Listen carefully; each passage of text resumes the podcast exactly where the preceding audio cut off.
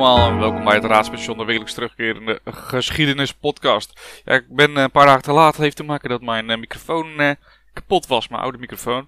Ik heb gelukkig een nieuwe. ik had een andere nieuwe besteld, maar die deed het ook niet. die kreeg ik niet aan de praat. Ik weet niet wat er aan, of het aan de microfoon lag of aan de computer, maakt niet uit. Ik heb in ieder geval een nieuwe microfoon. En nu kan ik jullie weer helemaal, ja, jullie trommelvliezen weer helemaal masseren met sappige geschiedenis verhalen eigenlijk. Als jullie nou vragen hebben, of als jullie opmerkingen hebben, of jullie willen iets weten, stuur het dan naar geschiedenis.paulushistoricus.nl Ja, en dan gaan we eigenlijk gelijk maar beginnen waar we voor de vakantie een beetje zijn gebleven. We hebben het toen gehad over uh, Columbus. En over hoe hij Amerika natuurlijk uh, zogenaamd ontdekt heeft. En blijkbaar was Amerika al bekend bij eerdere ja, handelslieden die al verhalen hadden gehoord. Maar Amerika was gewoon een oninteressant stukje werelddeel tot Columbus daar aankwam en besloot om 90% van de bevolking uit te moorden. Uh, maar goed, daar gaan we het niet weer over hebben. We gaan het namelijk hebben over een ander uh, volk wat Amerika eigenlijk al ontdekt had. En uh, het verhaal gaat dat de Chinezen dat waren. Nou, daar, dat is in vragen, hè. dat is niet helemaal duidelijk of dat er echt klopt. Maar wat wel klopt is dat de vikingen ja, zo'n duizend jaar geleden al voet zetten op Amerika. En het vetste is dat dit in Nederland is onderzocht. Wetenschappers, namelijk van de Rijksuniversiteit in Groningen. Uh, en uh, een team van internationale onderzoekers is erin geslaagd om die precieze datum te prikken. En hoe ze dat gedaan hebben, is best wel, ja, best wel knap natuurlijk, best wel interessant. Wat ze hebben namelijk gedaan is, uh, ze hebben drie stukken hout onderzocht. Deze drie stukken hout waren afkomstig uiteraard van verschillende bomen. En die bomen die moeten door de vikingen zijn gekapt. En elk stuk hout bevat ook duidelijk uh, kapsporen. En ze vertonen ook tekenen van, uh, van het snijden van bladen van ijzer. Nou ijzer werd door uh, de inheemse bevolking op dat moment nog niet geproduceerd. Hè, dus het moeten wel vikingen zijn geweest. Um, oh, en die, die onderzoekers bekeken dat hout. En die onderzochten ook de jaringen. En ze zochten naar radioactieve kenmerken. En die radioactieve kenmerken zijn weer achtergelaten door een zonnestorm die in uh, 992 heeft uh, plaatsgevonden. En ook dat ze natuurlijk weten, hè, in 992 heeft er een zonnestorm plaatsgevonden. Dat heeft invloed gehad op dat hout. En uh, ja, ze kunnen uiteraard berekenen wat dat doet met de radioactieve lading. Hè, hoe die ja, groter wordt, kleiner wordt. nou ja, goed, ik weet niet precies natuurlijk. Ik ben geen in dat opzicht geen onderzoeker. Maar ze kunnen in ieder geval aan de hand van die zonnestorm en de jaringen in dat hout hebben ze een uh, precieze datum vastgesteld. En nou, een precieze datum is natuurlijk niet op 1 januari zoveel. Nee, het jaar uh, is in ieder geval 1021 na Christus. Dat de vikingen dus voet zetten, daadwerkelijk voet zetten op het Europese continent. En dat deden ze in Canada, in de buurt van Newfoundland kan je natuurlijk afvragen, hoe weten we dan dat het vikingen zijn? Nou, dat is uiteraard doordat uh, de, vele verhalen al te ronde hebben gedaan in de Griekse zagen. De, de, Grieken hebben ook al eerder op uh, IJsland en Groenland uh, in het, naar het westen gevaren. IJsland en Groenland bereikt. En ja, uiteindelijk zijn ze nog verder gevaren. En inderdaad, bij het Canadese eiland Newfoundland zijn ze aan, aan wal gegaan. En die zagen die hebben eigenlijk altijd ja, die zijn altijd rondgegaan in de cultuur en in de vikingcultuur. Uh, maar omdat er nooit echt duidelijke tijd bij stond, uh, wisten de wetenschappers dus niet van oké, wanneer is het dan? En dat hebben ze nu dus vastgesteld door middel van die studie. Ze weten niet precies hoe vaak de vikingen daarheen zijn gegaan. En ze weten eerlijk gezegd ook niet wat, ja, hoe de uitwisseling is geweest met de inheemse bevolking. Ja, uh, het is natuurlijk heel logisch om te zeggen, soms was het gewelddadig en soms was het vriendelijk. Dat is, uh, er zit ook niet echt heel veel andere smaak aan natuurlijk. Um, er is alleen weinig archeologisch bewijs dat die uitwisselingen ook hebben plaatsgevonden. Dus ja, je, kan eigenlijk ook niet echt ja, redeneren hoe dat dan gegaan is precies. Nou, vorige week zeiden we natuurlijk al dat er al een aantal ja, een aantal bewijzen waren dat mensen al op de hoogte waren van, uh, van het feit dat het Amerika daar lag. En ook bestaan er nu, uh, of nu, er bestaan middeleeuwse verhalen die er ook op duiden dat belangrijke personen op het Europese vasteland uh, ook al op de hoogte waren. dat de vikingen aan de overkant van de Atlantische Oceaan ja, aan land waren gegaan. Ja, we weten natuurlijk niet, we kunnen dat niet 100% zeker bevestigen. en misschien, misschien vinden we uh, binnenkort die bewijzen wel terug. 1021 dus, dat is uh, het punt waarop de vikingen aan land gingen op het Amerikaanse continent. Veel eerder dan Columbus. Uh, en het grappige is natuurlijk dat het dit jaar dus precies duizend jaar geleden is. Dat was wel een mooie, grappige bijeenkomst. is weer een leuk feitje om te vertellen op een, op een verjaardag. Ja, en als we dan toch duizend jaar geleden gaan, dan kunnen we net zo goed ook naar negen jaar geleden. Uh, want het, is super vet. Een amateurduiker heeft voor de kust van het noorden van Israël, uh, in een natuurlijke baai, heeft hij een ja, 900 jaar oud zwaard gevonden. En waarschijnlijk was dat zwaard van een kruisvaarder. Uh, super vet. Ik zie ook wel eens op Facebook bijvoorbeeld mensen van die groepen van, oh, ik heb oude helmen gevonden of een embleem van een uh, uniform of weet ik wat. Ik weet niet hoe, uh, hoe ze dat allemaal doen. Waarschijnlijk hebben zij veel meer tijd dan dat ik heb. Uh, maar super vet dat je dus als duiker gewoon even lekker ja, aan het duiken bent. En dan vind je in één keer een zwaard. Het zwaard is ongeveer een meter lang. En het, is, ja, het zit natuurlijk helemaal onder de zeedieren. schelpen, het is een beetje vroest. veel, eigenlijk een beetje vroest, heel erg vroest. op een gegeven moment ja, lijkt het niet echt meer op een, op een, op een metaalachtige soort, maar meer op steen natuurlijk. Uh, maar goed, in ieder geval die is gevonden.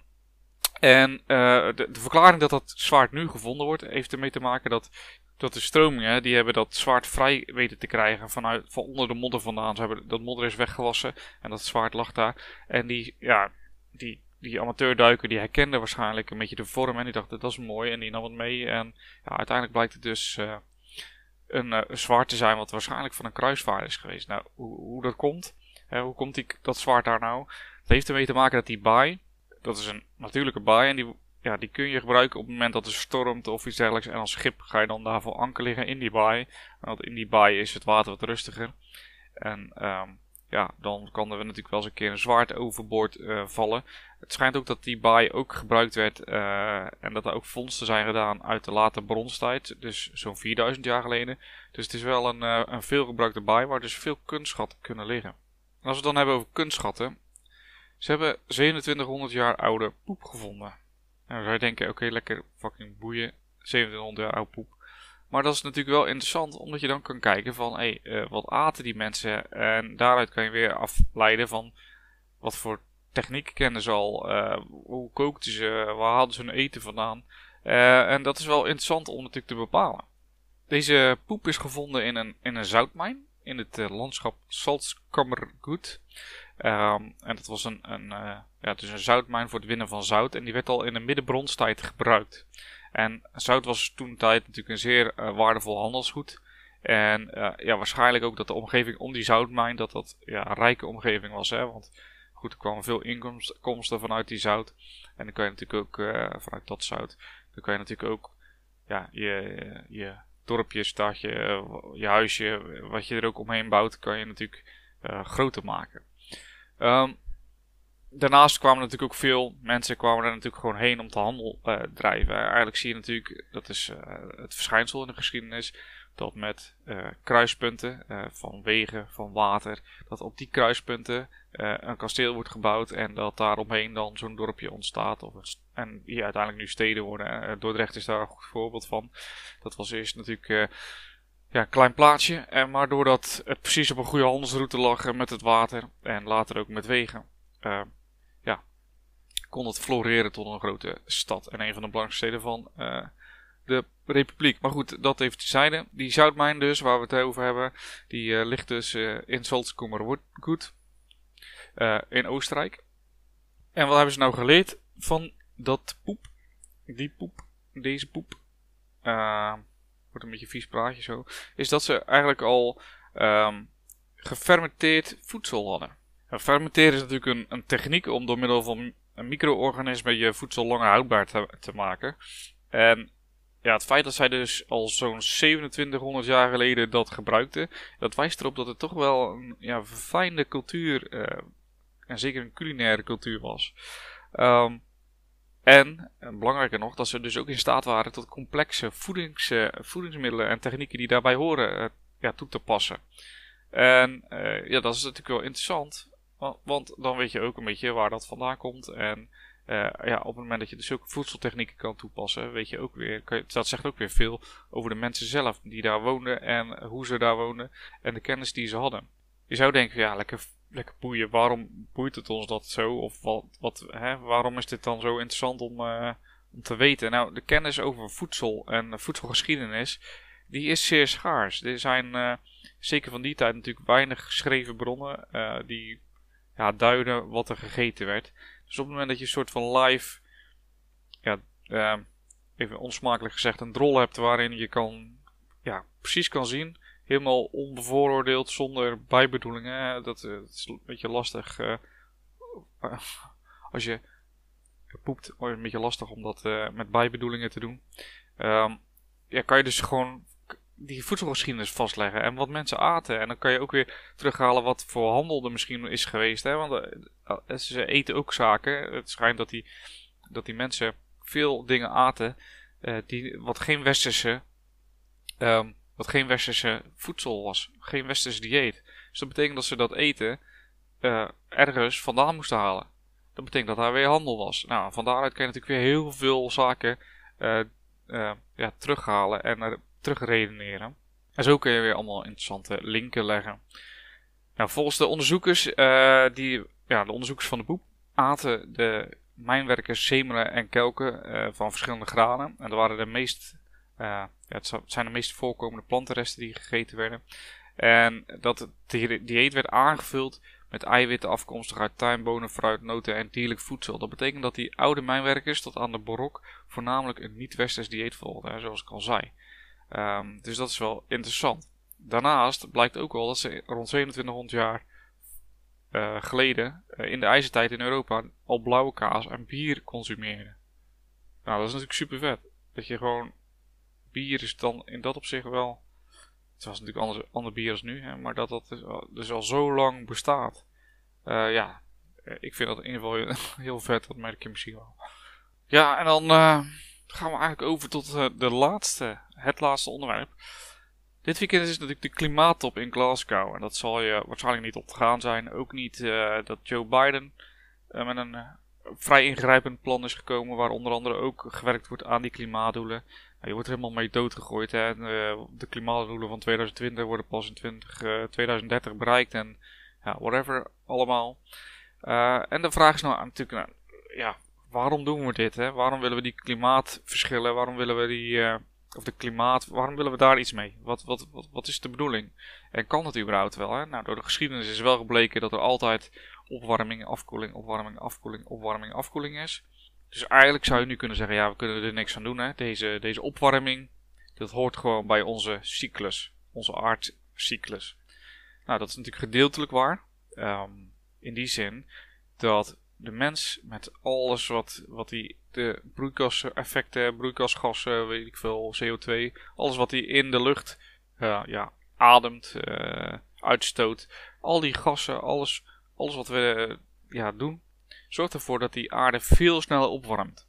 En wat is nou het probleem van een aarde die veel sneller opwarmt? Even buiten het overduidelijke, dat de ijskappen smelten, dat waterlevel, waterniveaus omhoog gaan, dat uh, Nederland natuurlijk onder het uh, NAP ligt. Of dat Nederland onder het waterniveau ligt en dadelijk helemaal onder water verdwijnt. Weet je, dat zijn allemaal logische dingen. Maar wat is nou, wat is nou nog meer het probleem? En dat kunnen we terughalen aan de hand van de mammoet. Vaak wordt natuurlijk gezegd, uh, vaak is gedacht, dat de vroege mens de mammoet heeft laten uitsterven. En dat heeft te maken met de jacht. Hè. De mens is een van de weinigen die op deze enorme beesten jaagden. En de mens gebruikte uh, de mammoet helemaal. Het is niet zoals nu dat je alleen de slagtanden meeneemt, beest laat wegrotten, ik noem iets geks. Nee, dat werd natuurlijk, uh, hij werd opgegeten, huiden werden gebruikt voor, uh, voor kleding, skeletten werden gebruikt voor schuilplaatsen. De enorme slagtanden werden gebruikt om har harpoenen uit te vervaardigen. Um, zelfs de fluit, het, het, het, oudst bekende muziekinstrument, de fluit, is gemaakt van mammoetbot. En daardoor wordt dus ja, al eeuwenlang, of heel lang in ieder geval, gedacht dat uh, de mens eigenlijk de primaire reden is dat deze mammoet de dier uitsterft. Ik zal dadelijk de link maken natuurlijk met het, uh, met het opwarmen van de aarde. Maar waar heeft het waarschijnlijk nou mee te maken? Er is een nieuwe studie. En die analyseren plantenresten, dierenresten, urine-uitwerpselen, hebben we weer uitwerpselen, huidcellen. Um, van verschillende plekken. Uh, de aarde geeft steeds meer bloot. Hè. We hebben het ook gezien in Siberië met zo'n goed bewaarde, wat is het, sabeltandtijger of, nou goed, doordat die permafrostlagen nu allemaal ontdooien, komen daar veel kunstschatten uit. Hè. Uh, super interessant natuurlijk als je wil weten hè, wat er in die permafrostlaag zit. Omdat dat natuurlijk zeg maar, de beschaving is van uh, zoveel duizend jaar geleden.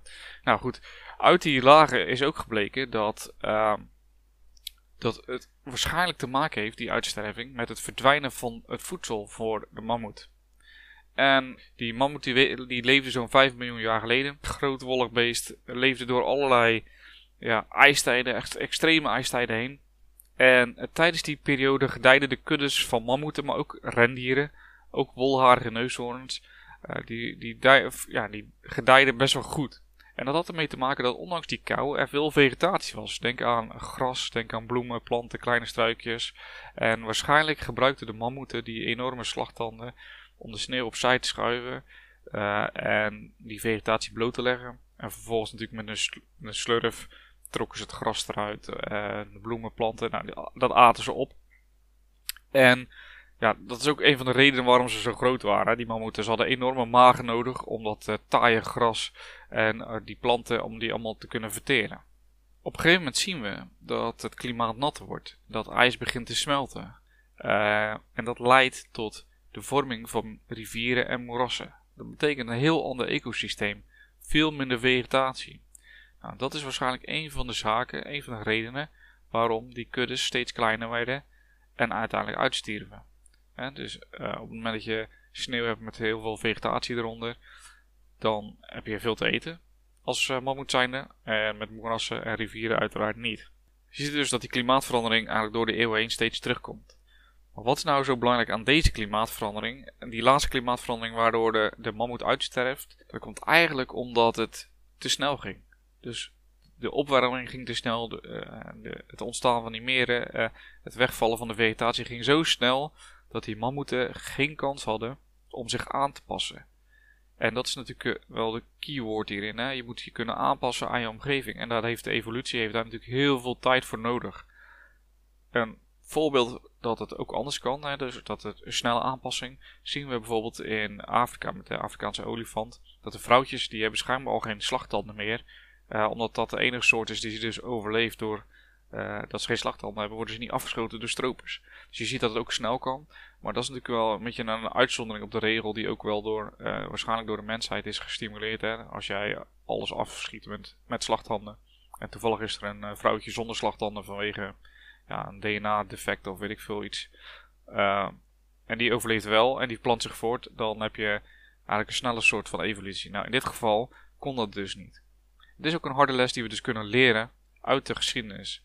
Uh, dat als je klimaatverandering hebt en die gaat heel snel, dat je je niet kan aanpassen. Ik weet natuurlijk niet wat voor invloed dat heeft op de mens. Hè? Maar we zien natuurlijk, we, hebben, we zijn niet alleen op de aarde. We zijn niet alleen met mensen. Er zijn ook dieren, beesten. Uh, en die moeten zich ook kunnen aanpassen. Anders sterven ze uit. En wij zijn dan weer afhankelijk van die beesten. Ja, dus dat is, daarom is het ook zo belangrijk dat wij in ieder geval er alles, alles aan doen. En misschien kunnen we niet alles eraan doen. Maar ja, we moeten toch proberen met elkaar zoveel mogelijk aan te doen. Dat die klimaatverandering niet te snel gaat. Zodat wij, maar ook beesten zich kunnen aanpassen. In het geval van de mammoet komen wij als mensen dus uh, goed onderuit. Als we voor een rechtbank zouden staan. We, we hebben het niet veroorzaakt, de uitsterving van deze, van deze diersoort. Maar ja, het, uh, we, zijn, we staan wel bekend om, die, om het uitroeien van de diersoort. Hè? De jacht op de walvis, de, de, de, dodo.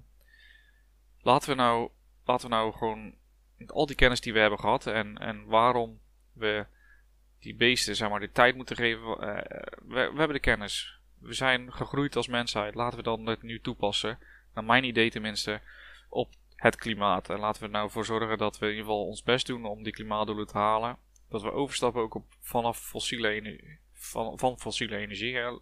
Dat heeft meer redenen dan alleen het klimaat. Hè. Het is eh, enorm duur. 2 liter voor uh, eh, 2 euro voor een liter. Is niet normaal. Laten we nou eh, gewoon lekker op waterstof gaan rijden. Ik, ik noem iets geks. Maar goed, anyway. Het wordt een ecologische podcast als ik zo doorga. Um, ja, Belangrijk dus klimaatop en klimaatverandering. En we zijn in ieder geval vrijgesproken van, uh, van het uitsterven van de mammoet. Als we dan toch hebben over Amerika. Ik noemde net dat Biden met dat pakket naar het congres gaat. En dat ze hopen dat dat ja, pakket met sociale hervormingen er doorheen komt. Dat is wel grappig, want je ziet echt dat die Amerikanen echt heel we hebben het al vaker over gehad, hè, maar echt heel liberaal zijn. En dat ze echt vinden dat de overheid niet moet ingrijpen. Hè. De, een man, gisteren op het nieuws zag ik het uitleggen. Die zei, weet je, in Amerika ben je vrij om te doen wat je wil. Maar je moet je eigen, je moet je eigen shit op orde hebben. Je moet je eigen brood verdienen, je moet je eigen spullen verdienen. En daar moet een overheid niet op ingrijpen.